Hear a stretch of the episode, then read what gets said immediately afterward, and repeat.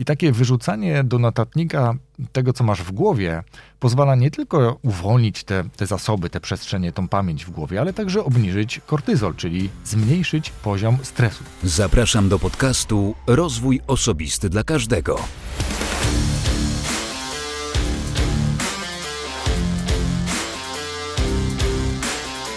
Cześć. Ja nazywam się Wojtek Struzik, a ty słuchać będziesz właśnie 206 odcinka podcastu Rozwój Osobisty dla Każdego, który nagrywam dla wszystkich zainteresowanych świadomym i efektywnym rozwojem osobistym. 206 odcinek, odcinek solowy. W 205 również solowym mówiłem o efektywności, trochę bardziej o takich jej ciemnych stronach, o tym, że możesz być sfrustrowany, możesz czuć się rozbity tym, że twoje działania nie przynoszą zamierzonych rezultatów. Ale zarazem też w tym odcinku powiedziałem, jak to zrobić, aby udało się, aby ta efektywność faktycznie była osiągana, rosła i byliśmy z tego zadowoleni. Więc jeśli jeszcze nie słuchałeś, nie słuchałaś 205 odcinka podcastu, to ja gorąco do tego namawiam. Namawiam także do dołączenia do patronów podcastu Rozwój Osobisty dla Każdego i podcastu bajkowego. Jest ich łącznie dzisiaj 30 osób, które wspierają oba te projekty, więc jeśli ty chcesz dołączyć do tej gromady bardzo sympatycznych ludzi, to gorąco namawiam oczywiście do wejścia na stronę patronite.pl łamane przez RODK, a tam wybierz dla siebie odpowiedni próg wsparcia, który uznasz, że chcesz taką kwotą wesprzeć któryś z tych projektów. A ja z góry Ci za to bardzo serdecznie dziękuję. Jeszcze jedna informacja, bardziej przypomnienie, już w poniedziałek o godzinie 19, czyli 12 grudnia, odbędzie się live sesja pytań i odpowiedzi dla osób zainteresowanych podcastami, więc jeśli chcesz, to gorąco namawiam, dołącz do tego wydarzenia. Link do tego wydarzenia oczywiście, czy też do zapisania się na to wydarzenie i mało tego do zadania pytania live znajdziesz w linku w opisie tego odcinka podcastu. To tyle tytułem wstępu, a w tym momencie zapraszam Cię do odcinka o notowaniu. To już trzeci w sumie odcinek w tym podcaście, bo pierwszy odcinek, bardzo, bardzo na samym początku, to odcinek ósmy, notowanie, czytanie i ćwiczenie, który o dziwo i wielu moich e, obiekcji co do tego, jak on zostanie odebrany, odebrany został bardzo dobrze. Powtórzyłem później odcinek o notowaniu pod tytułem Efektywne notowanie i był to odcinek 173. Natomiast uznałem, że jest to na tyle ciekawy temat y, i warty tego, żeby go powtarzać, dlatego że ja sam też rozwijam sobie umiejętność notowania i na przykład od lipca, od końca lipca, tudzież od początku sierpnia, jakkolwiek datować, Codziennie dokonuję pewnych wpisów i notatek w takim pewnego rodzaju dzienniku. Oprócz tego mam swoje notatniki, w których e, staram się, notuję e, bieżące jakieś działania, czasami rzeczy do wykonania, czasami jakieś pomysły, żeby coś nie uciekło, ale stosuję też również narzędzia elektroniczne. Ale po kolei, e, o czym chcę dzisiaj powiedzieć. Dzisiaj chcę powiedzieć e, o tym, co mówią badania tak naprawdę w odniesieniu do swoich doświadczeń także. Czyli, tak jak powiedziałem, ja notuję, e, prowadzę coś nawet dzisiaj w formie dziennika codziennie, co też jest pewnego rodzaju praktyką wprowadzania nawyków i obserwowania tego, czy to wpływa i w jaki sposób wpływa na mnie i na e, ewentualne rezultaty z tego wynikające. No ale dobrze, skoro y, chcę dzisiaj trochę o badaniach, to zaraz Ci o nich też powiem. Natomiast zacznijmy od tego, że możesz mieć kilka motywatorów, które stoją za chęcią, czy też może potrzebą robienia notatek. U mnie one się zmieniały i były różne w zależności od tego, jakie miałem potrzeby. Najpierw chciałem w ogóle zobaczyć, co to jest tym notowaniem, później faktycznie mocno stosowałem pewne praktyki w, wyczytane w książce, o której za chwilkę. No a dzisiaj próbuję y, to wszystko, co wcześniej, plus jeszcze pewnego rodzaju formę dziennika. I teraz jedną z tych chęci, a nawet być może potrzeb, jest potrzeba czyszczenia pamięci podręcznej, bo e, o tym przeczytasz w książce Davida Allena Getting Things Done, czyli GTD. Myślę, że znany tytuł. Jeśli nie, to gorąco namawiam i odsyłam do tego do podręcznika pewnego rodzaju. I takie wyrzucanie do notatnika tego, co masz w głowie, pozwala nie tylko uwolnić te, te zasoby, te przestrzenie, tą pamięć w głowie, ale także obniżyć kortyzol, czyli zmniejszyć poziom stresu. No bo jeżeli wyrzucisz nagle to wszystko, co ci tam zalega i stresujesz się tym, że pamiętasz, a później zapominasz, no to jeżeli to zapiszesz, to już naprawdę bardzo wiele zmienia. E, zwyczajnie jest ci po prostu lżej, kiedy wynotujesz wszystkie takie kłębiące się myśli, e, głównie w formie, tak jak powiedziałem, listy zadań do zrobienia. Przynajmniej w dużej mierze książka Getting Things Done jest o właśnie takich listach rzeczy do zrobienia, ale też o całej organizacji tego procesu. I mnie osobiście z jednej strony to faktycznie uwalnia, ale bywają też takie okresy, gdzie ta długość tej listy rzeczy do wykonania potrafi mocno przygnieść, ale i na to są sposoby. O tym chętnie opowiem w innym odcinku podcastu, myślę, bo teraz wracajmy do notatek. To było czyszczenie pamięci podręcznej, czyli wyrzucanie z głowy wszystkich takich myśli bardziej w postaci listy, listy zadań. I o tym David Allen napisał naprawdę genialną książkę. Ale innym powodem jest też potrzeba uchwycenia myśli ulotnych, tak to nazwijmy, czyli zapisanie pomysłów, które pojawiają się, jak wiesz, w najmniej spodziewanych momentach. Dlatego warto mieć pod ręką notes lub urządzenie, które umożliwi ci zapisanie takich właśnie pomysłów. Ja się śmieję, że najczęściej bardzo genialne albo genialne pomysły wpadają na przykład pod prysznicem albo w innych okolicznościach, kiedy albo nie masz jak zanotować, albo nie masz czym zanotować jakkolwiek. No tu trudno zabrać notes pod e, prysznic, ale nieraz jest tak, że coś sobie wymyślę, coś mi wpadnie do głowy i zanim się skończę kąpać, nawet gdybym już zakręcał kran, zanim się wytrę, to bywa, że zapominam, co to był za genialny pomysł. Ale w książce o tytule 15 tajemnic zarządzania czasem Kevina Cruz y, on wspomina o Richardzie Bransonie, który no, jakby odpowiadając na pytanie, jaką jedną rzecz zabrałby ze sobą, to mówi, że właśnie byłby to mały, maleńki notatnik, który wystarczy, że zmieściłby się w tylnej kieszeni spodni właśnie po to, aby notować w nim wszelkiego rodzaju pomysły, a jak wiemy, pan Bronson ma ich całkiem sporo i całkiem dużą część tych swoich pomysłów przecież skutecznie realizuje. Kolejną formą to może być chęć prowadzenia dziennika w różnych obszarach. Tak jak powiedziałem, ja właśnie doświadczam, testuję, próbuję codziennie od e, ostatniego dnia lipca. E, codziennie sporządzam krótką notatkę. Myślę, że to się ładnie rozwija i widzę progres w tych notatkach, jak one wyglądały zaraz na początku sierpnia i jak wyglądają teraz pod koniec tego roku. Co może dać prowadzenie takiego dziennika? No, prowadzenie takiego dziennika, na przykład co zjadasz, pomaga schudnąć. I według badań przeprowadzonych przez Kaiser Performance Center of Health Research, właśnie taki dziennik, gdzie notujesz każdą potrawę, każdy posiłek, yy, wpływa wręcz podświadomie nawet na to, że zwyczajnie zaczynasz chudnąć. Ale prowadzenie dziennika ma też korzystny wpływ na radzenie sobie z dużymi przeżyciami, z traumami niejednokrotnie, z takimi rzeczami, które cię mocno stresują, które przeżywasz, które męczą cię wiele dni.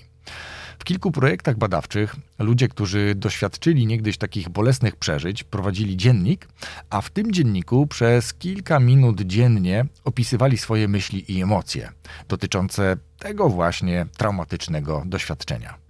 Na przykład w jednym z eksperymentów uczestnicy, którzy właśnie zostali zwolnieni z pracy, pisali, co myślą i czują w związku z utratą pracy i jak to zwolnienie wpłynęło na ich życie zawodowe i prywatne. I chociaż to ćwiczenie w pisaniu było krótkie i proste, wyniki badań ujawniły, że u osób prowadzących dziennik nastąpiła wyraźna poprawa samopoczucia fizycznego i psychicznego. Ich problemy zdrowotne zmniejszyły się, czyli mają wyższą samoocenę i czuli się zwyczajnie szczęśliwsi.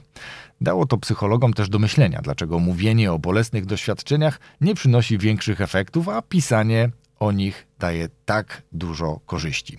Otóż to, co możesz przeczytać w książce 59 sekund, bo właśnie z tej książki przytoczyłem tutaj kilka takich krótkich fragmentów, mówienie może potęgować poczucie zagubienia, podczas gdy pisanie wymusza przyjęcie bardziej systematycznego i kontrolowanego sposobu myślenia. A zatem znowu, niekoniecznie mów o tym, co traumatycznego cię właśnie spotkało, jakie doświadczenia tobą targają, ale napisz to. Napisz, co czujesz, jakie to są emocje, co z tym możesz zrobić, i według tych badań poprawi się Twoje samopoczucie znacznie szybciej, niż gdybyś tych notatek w, odnoś- w odniesieniu właśnie do tych emocji nie czynił.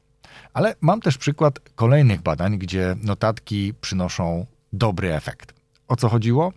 Również z tej samej książki, czyli 59 sekund, psychologowie Robert Emos i Michael McCullough, jeżeli dobrze to przeczytałem, sprawdzili, jak notowanie może wpływać na poczucie szczęścia. Uwaga, szczęścia. Bardzo często mówimy, że nie jesteśmy szczęśliwi albo nie wiemy, czy jesteśmy szczęśliwi. No to tutaj jest pewnego rodzaju dowód naukowy. Badacze podzielili ludzi na trzy grupy i poprosili, aby każdy z uczestników badania poświęcił pewną ilość czasu na sporządzanie notatek. I teraz i pierwsza grupa badanych miała opisywać, czy pisać, wypisywać pięć rzeczy, za które jest losowi wdzięczna. Druga grupa badanych miała również wypisać pięć rzeczy, ale takich pięć rzeczy, które ich złoszczą. I trzecia grupa miała wypisywać pięć rzeczy, a tak naprawdę pięć wydarzeń minionego tygodnia. Zwyczajnie, bez jakichś tam większych emocji, po prostu o pięciu wydarzeniach z minionego tygodnia. I teraz uwaga, jak myślisz? Która grupa z tych trzech grup badanych była, jeśli była, szczęśliwsza od pozostałych? Czy ci, którzy byli wdzięczni losowi, wypisywali pięć w, takich punktów wdzięczności? Wiemy, że popularne są dzienniki wdzięczności, więc zapewne już m, mm, trochę naprowadzam na wynik tego badania. Druga grupa pięć rzeczy, które ich złoszczą, i piąta po prostu pięć rzeczy z minionego tygodnia.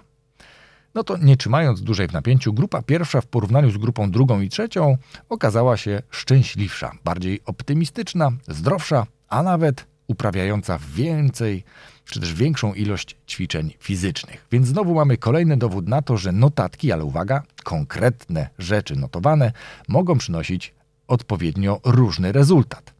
Ci, którzy pisali o wdzięczności, byli po prostu bardziej szczęśliwi niż, ty, niż ci, którzy pisali o tym, co ich złości, lub o tych, którzy pisali po prostu o wydarzeniach z minionego tygodnia. Ale to nie jedyny dowód, bo mam kolejny, również, jak się nie mylę, z tej samej książki.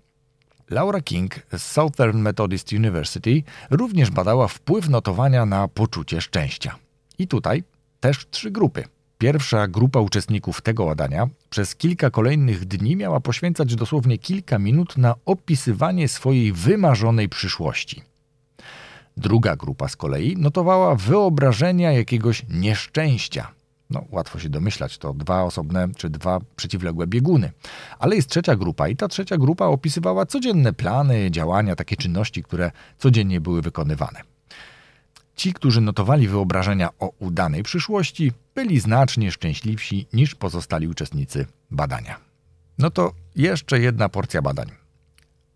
Inne badania Cory Floyda i jego kolegów z Uniwersytetu Stanowego Arizony polegały na tym, że poprosili uczestników, aby pomyśleli o kimś, kogo kochają, a następnie przez 20 e, minut opisywali, dlaczego ta osoba tyle dla nich znaczy.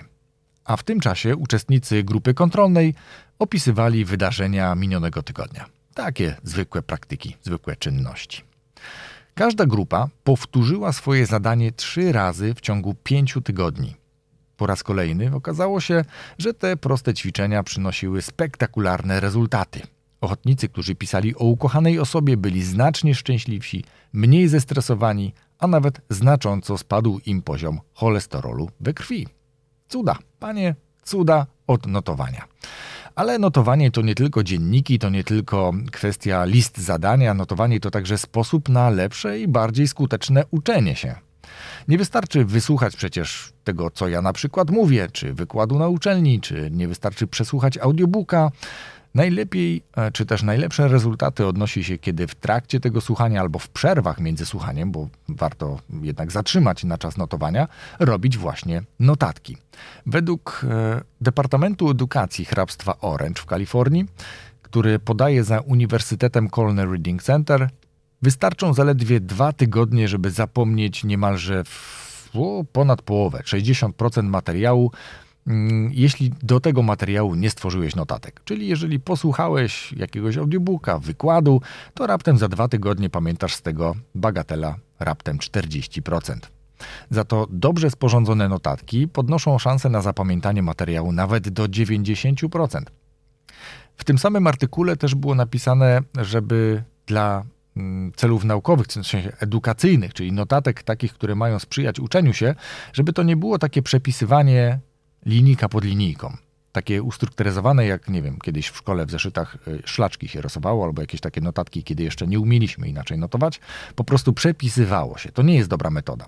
Najlepiej, kiedy zostawia się jakieś puste przestrzenie, albo pisze się w jakiejś takiej strukturze blokowej, zostawiając miejsca między tym, po to, aby gdzieś dodatkowo sobie zaznaczyć kolorem, albo wrzucić czy dorysować jakąś ikonografikę, która będzie lepiej działała na pamięć, będzie lepiej działała na skojarzenie i będziemy mniej więcej, szczególnie ci, którzy mają pamięć wzrokową, tak zwaną fotograficzną, będą umieli zapamiętać, e, bo to wzmocnienie będzie przychodziło właśnie z tego, że jest jakiś, jakaś blokowana notatka okraszona właśnie taką ikonografiką.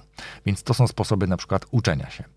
Ale notatka to także forma dokumentowania, zbierania materiałów do wpisów. Ja na przykład czasami tak robię, czy też materiałów do książek. Myślę, że wielu autorów tak robi. Korzysta akurat wtedy głównie z materiałów z takich aplikacji elektronicznych. Tu już o kilku w tym podcaście było, między innymi w rozmowie całkiem niedawnej z Mateuszem Wyciślikiem, ale każdy myślę, że znajdzie sobie sposób na to, aby taką treść zanotować, bo przede wszystkim warto notować.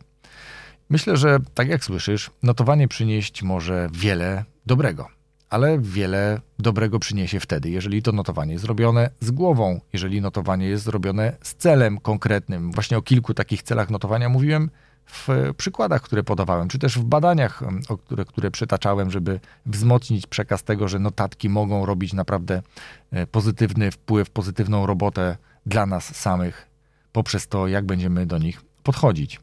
Pisanie o wątpliwościach przecież, czy też taka wizualizacja porażek, no myślę, że nieuchronnie do nich doprowadzi. Tak samo jak z wizualizacją innych rzeczy. No, nie wiem, jak robiłem kurs e, prawa jazdy na motocykl, no to też instruktorzy mówili, jedziesz tam, gdzie patrzysz, więc patrz, gdzie jedziesz. I to faktycznie jest prawda. Kiedy patrzyłem daleko na wprost, nawet kręcąc jakieś ósemki, to jechałem w sposób prawidłowy i poprawny. A kiedy patrzyłem tuż przed koło, to najczęściej w coś albo wjechałem, albo pojechałem nie tak, jak powinienem. I myślę, że to ciekawe porównanie do notatek. Jeśli będziemy wizualizować w notatkach powodzenie naszego projektu, będziemy wizualizować nasze szczęście, będziemy realizować nasze marzenia w tych notatkach, to jest większa szansa, że faktycznie, jeśli nawet ich nie zrealizujemy, to po prostu będziemy bardziej optymistycznymi, pogodnymi ludźmi, co przełoży się automatycznie na nasze zdrowie. Dlatego notuj wszystko, co ci przyjdzie do głowy. Wyrzucaj z głowy te wszystkie listy zadań, te problemy do rozwiązania. Niech ci w głowie luzuje się ta pamięć podręczna. Praktykuj wdzięczność i pozytywne kreowanie przyszłości, bo jak pokazują badania, wpływ ma to pozytywny na Twoje zdrowie. Ucz się skutecznie i efektywnie poprzez takie właśnie konkretne, często okraszone ikonografikami notatki, i nie wiem, czy przytoczyłem badanie, ale z tego, co e, czytałem już wielokrotnie, najlepiej działają notatki sporządzone odręcznie. One jakby najlepiej wypalają się w naszej pamięci i dłużej zapamiętujemy to, co osobiście odręcznie zapisaliśmy. Dlatego do dzieła. Dziękuję za wysłuchanie dzisiejszego odcinka podcastu Rozwój Osobisty dla Każdego. To już 206 odcinek podcastu, a za tydzień słyszymy się z kolejnym nowym materiałem. Wszystkiego dobrego. Rozwój osobisty dla każdego.